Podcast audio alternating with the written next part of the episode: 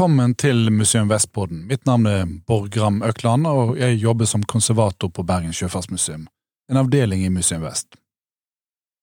Temaet for denne podkasten er slaveskipet Fredensborg, et eh, dansk-norsk seilskip bygget i 1753, som seilte i den transatlantiske slavehandelen inntil skipet forliste på sørlandskysten ved Arendal. Da hadde skipet lagt bak seg seks ulike sjøreiser med en last bestående av slavehjorter, kolonivarer og i fart mellom Danmark, Norge, Vest-Afrika og dansk Vest-India. Nå er det vanskelig for deg som hører på å se for seg helt hvor er det vi sitter i dag, men vi sitter på eh, biblioteket på Bergens sjøfartsmuseum, og vi sitter litt sånn klemt innimellom mange gamle bøker og bokhyller her. Og en ting som er litt interessant òg, er jo at mange av disse bøkene her, det er, kommer fra Lloyds. Og Lloyds eh, var jo et stort forsikringsselskap som tjente masse, masse penger på slaveri, på å forsikre disse skipene. Så det er miljøet som vi sitter inne i når vi lager denne podkasten. Gjest i studio er Selma Lauvland. Hun er marinarkeolog ved Bergens sjøfartsmuseum og har skrevet master om slaveskipet Fredensborg. Den heter Analysis of Fredensborg Project and its Theoretical Framework. Som marinarkeolog for Bergen sjøfartsmuseum er hun med på å forvalte kulturminneloven til sjøs, med fokus på vestlandskysten fra Sunnmøre i nord til til og med Vestland fylke. Velkommen.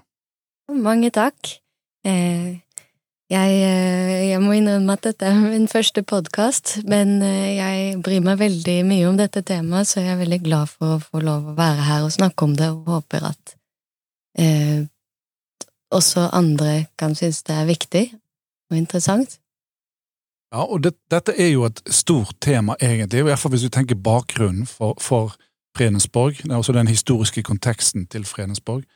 Um, og kanskje du først, Selma, altså, sette oss inn i på en måte, hva, hva er den transatlantiske slavehandelen? Hva, hva, kjennetegner denne farten? Det er en stor og kompleks eh, fortelling. Det er et handelsnettverk som startet på 1500-tallet eh, og endte på 1800-tallet. I ulike land så har, er det startet og sluttet på forskjellige tider. Det har med kolonitiden å gjøre. Eh, og det kjennetegnes av triangelruten, eh, som hvor da eh, europeere fraktet våpen, metaller, alkohol, eh, perler videre til Afrika, hvor de da eh, hentet og slavegjorde mennesker som de fraktet videre på skip til Amerika, eh, for det meste Sør- og Mellom-Amerika, men også USA, som vi kjenner godt til. Um, og der ble disse menneskene tvunget til å jobbe på plantasjer, sukkerplantasjer, eh, bomullsplantasjer eh, og så videre. Og så seilte skipene videre med kolonivarer til Europa, og det heter da triangelfarten fordi dette danner en triangel når man ser på, på mm. verdenskartet. Ja. Og, og, det var, dette berørte jo veldig mange mennesker. og så Vet man sånn noenlunde hvor mange som var slavegjorte? Dette er den eh, største massedeporteringen av mennesker i historien, og man har et estimat på 12,5 millioner, men her kan det være store mørketall. Eh, dette er da et tall på de som ble fraktet over, eh, men det var jo mange som ikke overlevde før de kom til skipene en gang. Og ja, Danmark-Norge var også med på denne handelen. Ehm, vi sto da for kun to prosent av den transatlantiske slavehandelen, men dette eh, medfører jo altså at vi har eh, slavegjort 100 000 mennesker som vi da fraktet til de dansk-norske Jomfruøyene. Ehm, Sankt Jan, Sankt Croix og Sankt Thomas ja, dette er en del av vår historie som er utrolig vanskelig å forholde seg til, men som jeg mener at eh, det likevel er essensielt at vi forsøker å forstå, fordi det har hatt så enorm betydning for hvordan vår verden ser ut i dag. Fredensborg var et av slaveskipene som deltok i den transatlantiske slavefarten. Eh, hva vet vi om dette skipet, hvem, hvem eide det osv., hvilke varer fraktet det? Eh, Fredensborg det ble bygget i 1753 av eh, skipsbygger Ole Gard for det kongelige oktroyerende vestindiske og guineske kompani i København, da altså under kongen, og skipet det deltok på seks turer. Eh, den første turen, det var eh, som et slaveskip. Vi vet ikke så mye om denne første turen, men eh, det vi vet, var at det var en ganske katastrofal affære, hvor man har et tall på 600 slavegjorte som ble tvunget om bord på Fredensborg, eh, hvorav kun 200 overlevde og ble solgt eh, videre i Amerika. Og eh, ja, det ble hysteri og mytteri om bord. Total katastrofe. Um, dessverre så har vi ikke så mange historiske kilder, så eh, ja. Men det er helt klart at denne første turen var en slags eh, altså, humanitær og økonomisk katastrofe. Uh, og så de fire neste turene de gikk da direkte fra Danmark til, til Vest-India for å hente og frakte kolonivarer tilbake til Danmark-Norge. Hva var liksom de typiske kolonivarene? Da var det først og fremst sukker, tobakk, eh, bomull eh, og rom. Så var de hovedsakelige varene som ble fraktet.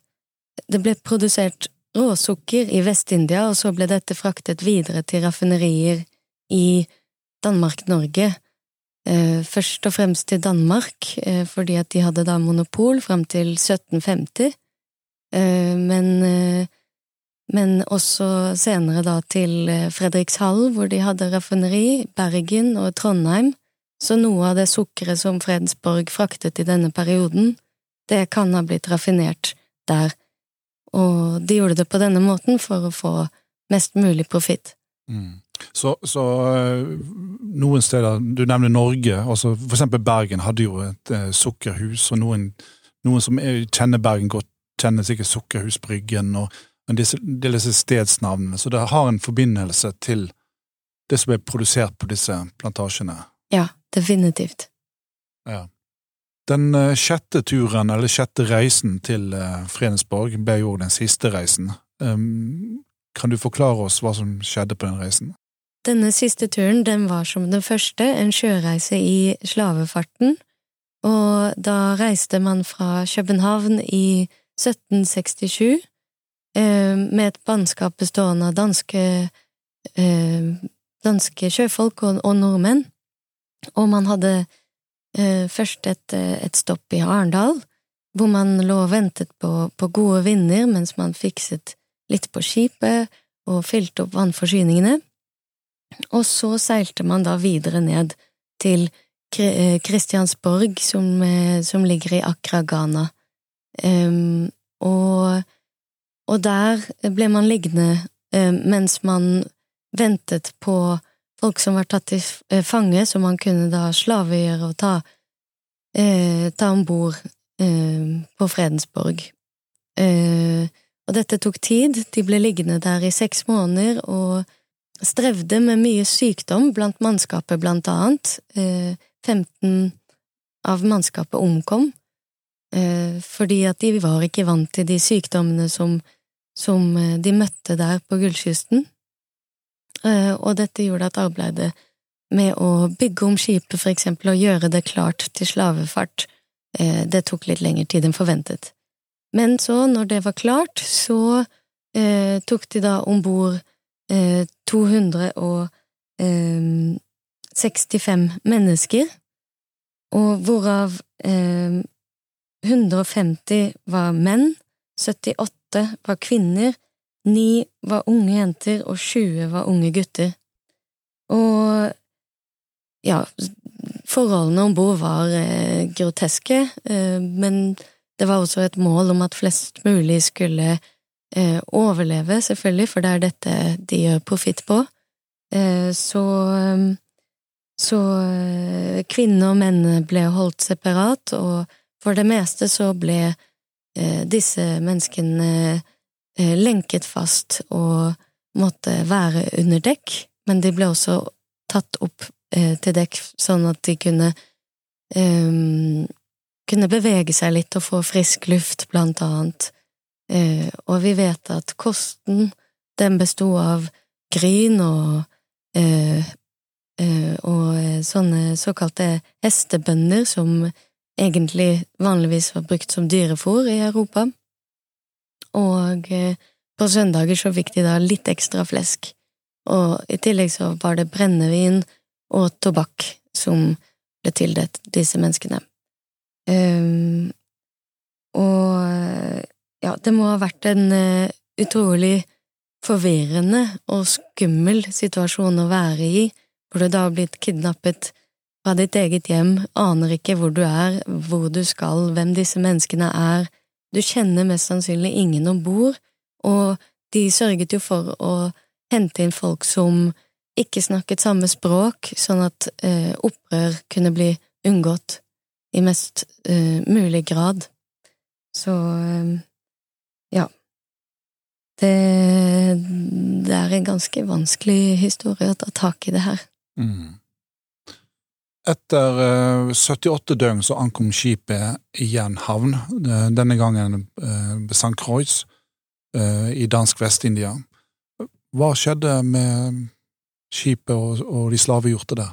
Da fikk de, de slavegjorte, de som da hadde overlevd, det var 24 som hadde dødd på overfarten, um, og de fikk da litt bedre kost, de ble smurt inn med palmeolje og gjort klar for salg, enda så grotesk dette høres ut. Um, og det som ventet dem, var eh, arbeid på sukker- og bomullsplantasjer i hovedsak, og, og eh, romproduksjon. Og um, de ble da solgt til ulike plantasjer. Eh, på St. Kreutz så ble de jo solgt, og, og, og så de slavegjorte, og, og, de ble satt inn i eh, arbeid på plantasjene. Kan, kan du fortelle litt om hva, hva, arbeid de gjorde på plantasjene? Da gikk det i hovedsak i sukkerproduksjon, og dette er en eh, svært krevende prosess, hvor du da skal kutte store, tunge sukkerrør og presse dem og varmebehandle dem, så det er en tung, det er en farlig jobb, å, å få eh, av de slavegjorte overlevde lenge, både fordi at det var så tungt fysisk arbeid, og de ble holdt nede ved å, å, å kun få minimalt med tilgang til mat, eh, men også fordi at det var skader og sånne ting på plantasjene. Mm. Når Fredensborg da hadde solgt eh, de slavegjorte menneskene, så seilte det videre. Og så hva, Hvordan gikk det med skipet? Ja, så var det den, den historien eh, da de skulle på sin siste legg tilbake til eh, Danmark-Norge, eh, men ble møtt med eh, mye dårlig vær. Eh, så det var en kjempevanskelig tur over, og de hadde da med seg noen passasjerer fra eh, St. Croix, og så hadde de med seg tre slavehjorter som ble brukt som såkalte dekkslaver fordi at de hadde mistet så mye mannskap, og disse menneskene skulle også da bli solgt videre til, til uh, ulike handelsherrer i Danmark. Um, og en, som eh, da ble kalt Samson, han døde på overfarten. Um, og de andre, de uh, kom seg først i trygg havn i Sandefjord, men skulle videre nedover, og da de kom til Arendal 1. desember eh, i eh, 1768, da ble de møtt av en så voldsom vinterstorm at de måtte tilkalle los og prøve å komme seg inn eh, i havn der, eh, ved Tromøya. Tromøya. Eh, og det gikk ikke bra. De støtte på en klippe, og eh, skipet begynte å synke. Eh, alle klarte å berge seg, og de klarte å ta med eh, skipsjournalene og dagbøkene som var skrevet gjennom hele denne turen. Så, og dette ble da tatt vare på i det Riksarkivet i København, og er grunnen til at vi kjenner dette vraket så godt i dag. Hvordan ble skipet funnet? De brukte disse historiske kildene til å finne fram til vraket. De hadde blitt eh, nedskrevet i en bok som ble veldig populær på 60-tallet, som var skrevet av Torkil Hansen, eh, som heter Slavenes kyst, og den hadde da eh, tre lokale dykkere fra Arendal lest, og de begynte å søke etter dette skipet på 70-tallet, eh, og Eh, dette var da eh, Leif Svalsen, hans bror Tore Svalsen og så eh, Odd Åsmundsen. Og de fikk også senere hjelp av Hertvig Dannevik, som var en kysthistoriker, lokal kysthistoriker. Og de brukte fire år på å lete etter dette skipet, for selv om man hadde en sånn omtrentlig lokasjon fra de historiske dokumentene, så var det Så kan jeg love at det fremdeles kan være utrolig vanskelig å, å finne vrak eh, som da har ligget eh, 200 år på sjøbunnen. Eh, så, men i 1974, eh, da fant de elfenben rett ved Gitmertangen, og da skjønte de at eh, dette her må komme fra et eh, slaveskip, og ingen ringere enn Fredens Borg. Mm. Og i 1975 så begynte vel eh, Norsk Maritimt Museum i Oslo med utgravninger. Du nevnte elfenben. Ble, det funnet andre ting? Mm, de ringte jo da Norsk Maritimt Museum med en gang, og det var en sensasjon. Og under kjente Molaug, som var direktør på museet på det tidspunktet, så begynte de utgravningen. Og de fant, eh, som du nevnte, elfenben, fargetre, eh, kanoner, flere personlige eiendeler fra mannskapet, som bibler og klær og eh, ja, et seil hvor det for eksempel står Love and Peace på, som vi kan stusse litt over i dag. Og man fant korresjon av såkalte slavelenker Uh, man fant et steinmorter som kan ha vært brukt til å lage eh, maten om bord. Og eh, dessverre så fant man ikke så mye som var igjen av selve skipet, kun noen eiketømmer. Så til sammen så fant man over tusen fragmenter som kan fortelle en historie som ikke da nødvendigvis kommer fram fra de historiske kildene. Mm. Og hvis eh, du som lytter på, eh, også publikum, har lyst til på en måte å se noen av disse gjenstandene som ble funnet ved utgravningene av Fredensborg, hvor vil du anbefale de å dra? Da må man dra til eh, Kuben, først og fremst, i Arendal. Eh, Kuben museum og arkiv. De eh, har en eh, utstilling som ble renovert i 2018, som var basert på en sånn vandreutstilling som som ble vist i eh, Oslo, København, eh, Stockholm, St. Croix og i Accra, og så ble den da eh, satt opp permanent i Arendal. Og i 2018 så la de til en del som handler om moderne slaveri, som var et ønske av blant andre Leif Svalesen som var med på å finne dette vraket. Og så finnes det vel noe å se opp på Norsk Maritimt Museum i Oslo? Ja, der er de også noen av gjenstandene utstilt, og, og eh, har også noen av de gjenstandene som er litt mer kjøre på magasinet, så hvis man er interessert, så er det bare å dra dit, og så eh, høre seg om man får lov å se eh, både det som står i monter, og det som kanskje ligger på, muse på museets magasin. Fredensborg er i dag del av et UNESCO-prosjekt, og det sies jo at Fredensborg er ja, et, et, av de best dokumenterte slaveskip i verden. Hva er grunnen til det? Det er mange grunner til det. Det er blant annet at uh, dette er et unikt marinearkeologisk funn. Det er dessverre gjort svært få uh, funn av uh, slaveskip på verdensbasis. Um, og, og, det at det også kan da relateres til historiske kilder som forteller om en nesten komplett ferd i triangelfarten, uh, hvor man har dagbøker som forteller om forholdene om bord fra dag til dag, det er det som virkelig legger grunnlaget for at dette ble et helt unikt eh, funn.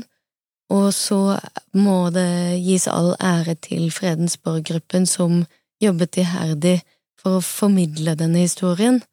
Eh, de, den, det var en eh, gruppe som besto av ulike fagfolk fra forskjellige disipliner og engasjerte mennesker som jobbet på på, på fritid og arbeidstid for å få denne historien ut, og de har eh, skrevet bøker, eh, satt opp utstillinger over eh, flere, i flere land, eh, vært med på å lage filmer, og så videre.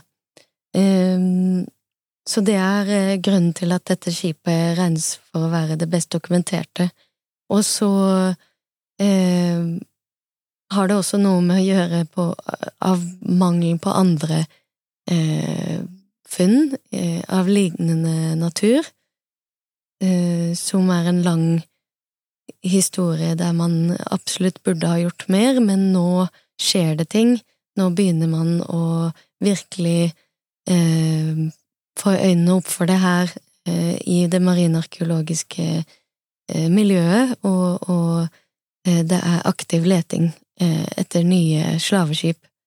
Um, også det du nevnte med at det ble en del av et UNESCO-prosjekt, da kalt The The Slavery Project. Det skjedde fordi at denne Fredensborg-gruppen kom i kontakt med engasjerte folk der, og, og det ble da holdt foredrag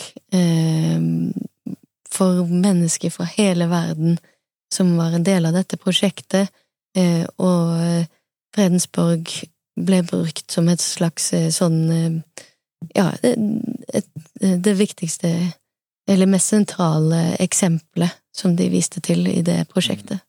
Du sier at det begynner å skje noe på en måte på den marinearkeologiske interessen for slaveskip. Og finnes det andre godt dokumenterte slaveskip i verden? Ja, heldigvis så begynner det å, å eh, skje masse på den fronten. Eh, fordi inntil i 2008 så hadde vi vel egentlig kun tre eh, godt dokumenterte slaveskip, og det var eh, Fredensborg, eh, Adelaide, som var et fransk slaveskip, og Henrietta Marie, som var et engelsk slaveskip. Um, og av disse da så var Fredensborg det best dokumenterte.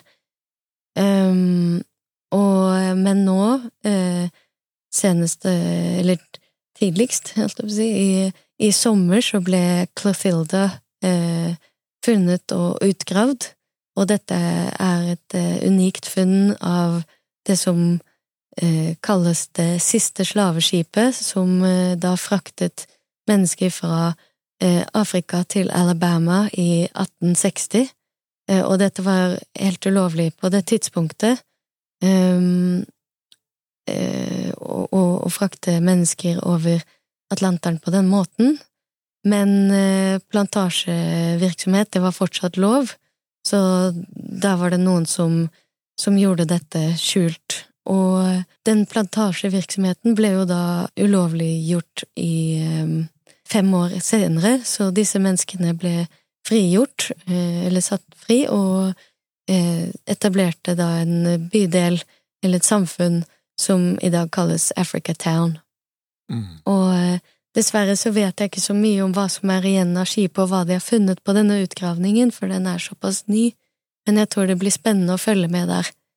Og eh, blant annet i Florida så er det vel òg gjort uh, funn? Ja, det er, det er, Henrietta Marie, og det er det mest kjente uh, slaveskipet egentlig på verdensbasis. Det ble funnet i 1972. Eh, det som var litt problematisk der, var at det ble funnet av en eh, såkalt eh, skattejeger eh, kalt Mel Fisher, som, eh, som, egentlig var på leting av et helt annet spansk skip som var lastet med gull.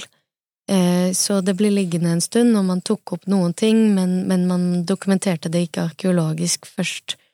Men etter hvert så, så kom det arkeologer til, og i dag så er det blitt presentert gjennom flere artikler og, og på museum. Og så er det også verdt å nevne at man nylig har funnet to eh, danske eh, slaveskip, rester av danske slaveskip, på, eh, på Costa Rica. Eh, ikke så mye igjen av disse funnene, men det er lokale der som jobber iherdig eh, for å dokumentere disse, og eventuelt lete, eh, og leter etter andre lignende funn i området. Eh, og så er det et svensk skip som er kalt Havmannen, som også ble funnet eh, relativt nylig. Dette skipet rakk ikke å frakte slaver, det var på vei, men forliste da før det kom så langt. Hvor vanlig var det at disse slaveskipene egentlig forliste? Det fins The, the Transatlantic eh, Slave Trade Database, eh, som har da kartlagt eh, rundt og over 36 000 ferder i slavefarten, og ut ifra disse så vet vi at altså om lag 1000 forliste, og man er sikre på at flere hundre av disse er det mulig å lokalisere og dokumentere. Og grunnen til at man ikke har gjort det, og grunnen til at det er vanskelig å finne eh, slaveskip, er blant annet fordi at mange av disse skipene ble omgjort til eh, vanlige handelsskip, eh, både etter eh, en eh, ferdig reise, og også da permanent når slavehandelen var, eh, ble ulovliggjort, da. Så det er en av faktorene. Men en annen faktor er rett og slett interesse Eh, så vi trenger at folk eh, bryr seg og, og, og, engasjerer seg, sånn at man kan da søke og finne midler til å, å lete og eh, så forhåpentligvis finne og dokumentere flere av disse vrakene. Du skrev din masteroppgave om Fredensborg i marinarkeologi ved Det syddanske universitet. Hva, ønsket du å studere i den oppgaven? I den oppgaven så gjorde jeg en analyse av det som var blitt gjort i dette Fredensborg-prosjektet, fra det ble tatt opp eh, til det ble presentert eh, og formidlet til folk.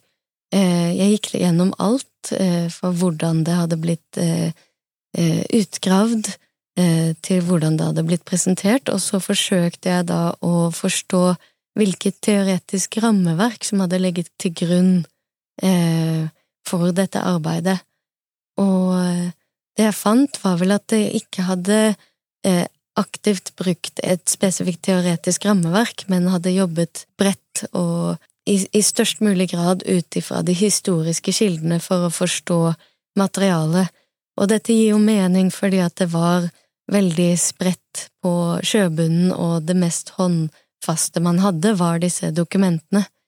Men eh, jeg mener likevel at selv om dette er fantastisk arbeid som er gjort, så, så tror jeg at man kan gå videre ved å se på materialet i seg selv gjennom eh, materialitetsteori, eh, og kanskje også det som kalles entanglement theory, da.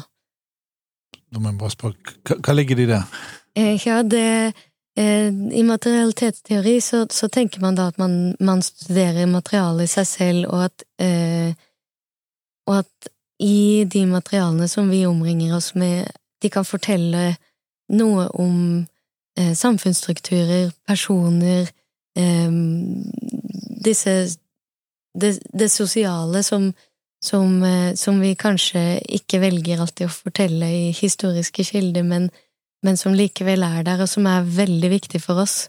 Så man kan for eksempel da studere eh, denne amuletten eh, som er funnet på Fredensborg, eh, den potensielle amuletten. Ja, ja fortell om den.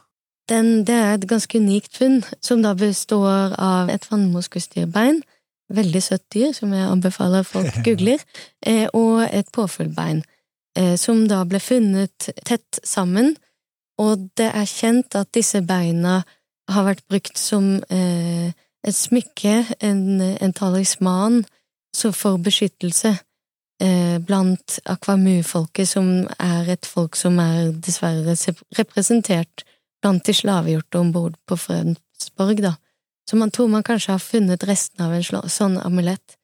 Og da, gjennom materialitetsteori, så eh, kan man kanskje begynne å lete etter de underliggende eh, meningene i et sånt objekt, hva det virkelig kan ha betydd for noen.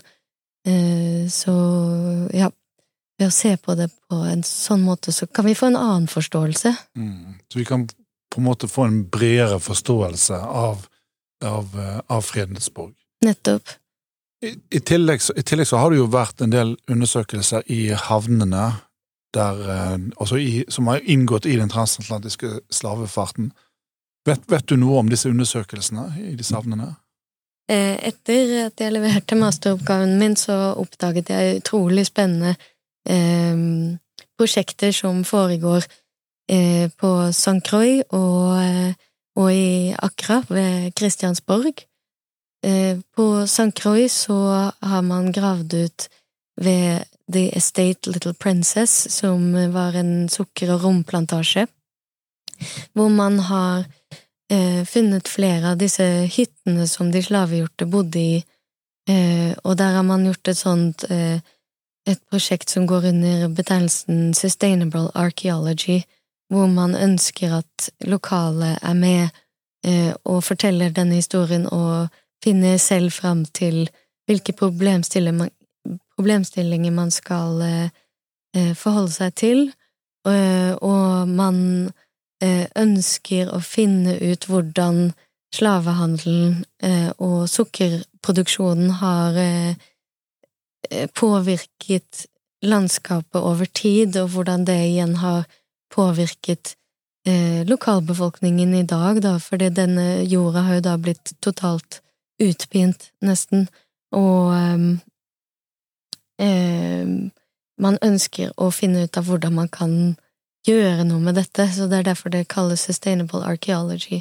Og det er da en professor som heter Justin Donovan som, som leder dette, som eh, man kan gå til på YouTube og finne veldig interessante foredrag som han holder, eh, og i samarbeid med eh, andre professorer fra USA.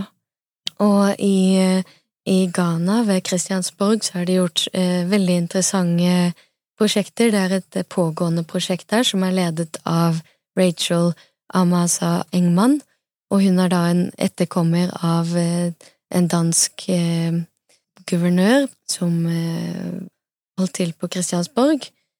Og sammen med andre etterkommere så, så har de gravd ut en bosetting eh, ved Kristiansborg fort Eh, som i dag eh, kalles eh, The Christiansborg Heritage Project, som man kan lese seg opp på om man er interessert. Og de har funnet flere rester av hytter og et kjøkken og en rekke gjenstander som piper, keramikk og perler. Og som sagt så er dette et pågående prosjekt, så jeg får, ser for meg at det vil komme Mm. eh, gode rapporter og artikler eh, om dette etter hvert. Det er noe som ligger ute hvis man går på denne nettsiden til eh, Christiansborg Heritage Project. Eh, men dette er absolutt spennende. Afrikanerne som ble tvangssendt til Amerika og solgt som slaver, kunne kanskje ikke ta med seg noe særlig av den, du tenker på den materielle kulturen sin, til Amerika, eller Nei, eh, de ble rett og slett eh, strippet, eh, barbert og umenneskeliggjort, sånn at det kanskje skulle være enklere for europeerne å holde på på den måten de gjorde. Fordi jeg tror egentlig at dette er en noe som er nesten umenneskelig å skulle gjøre og skulle behandle mennesker på denne her måten, men det å, å, å få alle til å se like ut, gi, ta fra deres materielle kultur i størst mulig grad eh, gjøre dem mm, anonyme. Det var en slags metode, og det er en metode vi også kjenner igjen fra, eh, fra konsentrasjonsleirene i andre verdenskrig, så det, det, er rett og slett en ganske grusom tankegang som var bak. Eh, men eh, noen eh, Altså, vi har jo denne amuletten, som er et ganske unikt funn i denne sammenhengen, fordi det må jo Hvis det er en amulett, eh, så er det jo noen som kanskje har fått muligheten til å ta den med seg, og, og hva den kan ha betydd for denne personen, eller for flere personer, eh, når dette er noe fra hjemlandene som som skal ha gitt beskyttelse, det, det er noe vi bare kan må se for oss, eh, og som vi nå ikke har svaret på, men det er jo et interessant studie som, som jeg håper noen tar fatt på. Mm. Eh, og eh, vi kjenner til fra skriftlige kilder at det var eh, noen sånne amuletter som, som, fikk lov å være med på farten, blant annet fra John Newton, som, en, eh, som er en kjent slavehandler, som har skrevet eh, et memoar, og han kaller disse for såkalte fetisjer, som, som noen i få tilfeller fikk lov å ta med seg. Og et annet ting som er det, det andre og eneste som er funnet på Fredensborg som kan bli assosiert med slavene i seg selv, det er et sånt steinmortar som man lagde mat på, og man hadde en slags idé om at hvis man lagde mat på en måte som var familiær, så ville det gjøre at eh, færre ønsket å sulte seg i hjel, for det var et reelt problem på disse slaveskipene. Vi liker jo å tenke på at slaveriet eh, og slavehandelen er, er, på en måte et tilbakelagt stadium eh, i vår historie. Men, men, er det slik? Altså, finnes det slaveri i dag òg? Ja, man skulle jo ønske at man kunne si det. Eh, men dessverre så finnes det moderne slaveri, og det er et stort problem. Det, det er eh, det forekommer på en ganske annen måte, men det er fortsatt folk som blir kidnappet fra sine hjem, eh, blant annet i fiskeindustrien, hvor, eh, hvor, det er flere historier der folk har eh, blitt kidnappet til fiskebåter og ikke får sett land på flere år og ikke aner hva de, hva de Altså blir, eh, blir, satt til, eller hvor lenge de må være der, eller hvor de er i det hele tatt. Um, og forholdene kan være grusomme, så grusomme at man får eh, livsvarige skader eller omkommer i løpet av de årene. Og vi kjenner til det i frukt- og grønt-industrien uh, også. Um, og, og Eh, den internasjonale arbeidsorganisasjonen under FN, eh, ILO, de har jo gjort et estimat over at det er over 40 millioner mennesker som i dag lever i moderne slaveri av ulik sort. Så det er absolutt et, et, et, et stort problem fremdeles. Mm. I Norge så har vi jo fått åpenhetsloven. Eh, kan du fortelle litt om den, og i forhold til slaveri? Dette er en lov som mange mener at vil kan være med på å minke det moderne slaveriet, eh, fordi denne loven innebærer at virksomheter eh, de blir nå nødt til å få oversikt over den risikoen som de kan påføre arbeideren i leverandørkjedene. Så de må da Eh, de er da pålagt eh, å gjøre aktsomhetsvurderinger og utgi informasjon, og det kan da forbrukerne spørre om, og de skal da eh, få svar innen minst tre måneder. Så det ved å gjøre disse Altså denne kjeden mer transparent, det, det Man håper at det vil gjøre at at eh, bedrifter tar bedre valg og tar bedre hånd om sine arbeidere. Mm. Så forbrukermakt, altså det kan være med på å gjøre en forskjell her? Absolutt, og det så man også eh, faktisk i den transatlantiske slavehandelen. Eh, det er historier der eh, eh eliten begynte å eh, boikotte sukker, og det var en av de tingene som var med på å få folks øyne opp for hvor gal denne eh, handelen var. Eh, en av mange faktorer. Men, eh, men, det hjelper å være en aktiv og, og fornuftig forbruker, og, og, det kan være vanskelig til tider å vite hvordan man skal handle, men åpenhetsloven kan være med på å endre dette, da. Det fins flere organisasjoner som jobber mot moderne slaveri. De, de forsøker å, å spre informasjon de har også operasjoner der de redder folk ut av eh, slaveri, rett og slett. Eh, eh, operasjoner som, som, kan innebære ganske mye eh, planlegging og risiko, men som ofte også har vært vellykkede, og, og en av disse organisasjonene er Hope for Justice, eh, hvor jeg er medlem, og det, det finnes en rekke andre.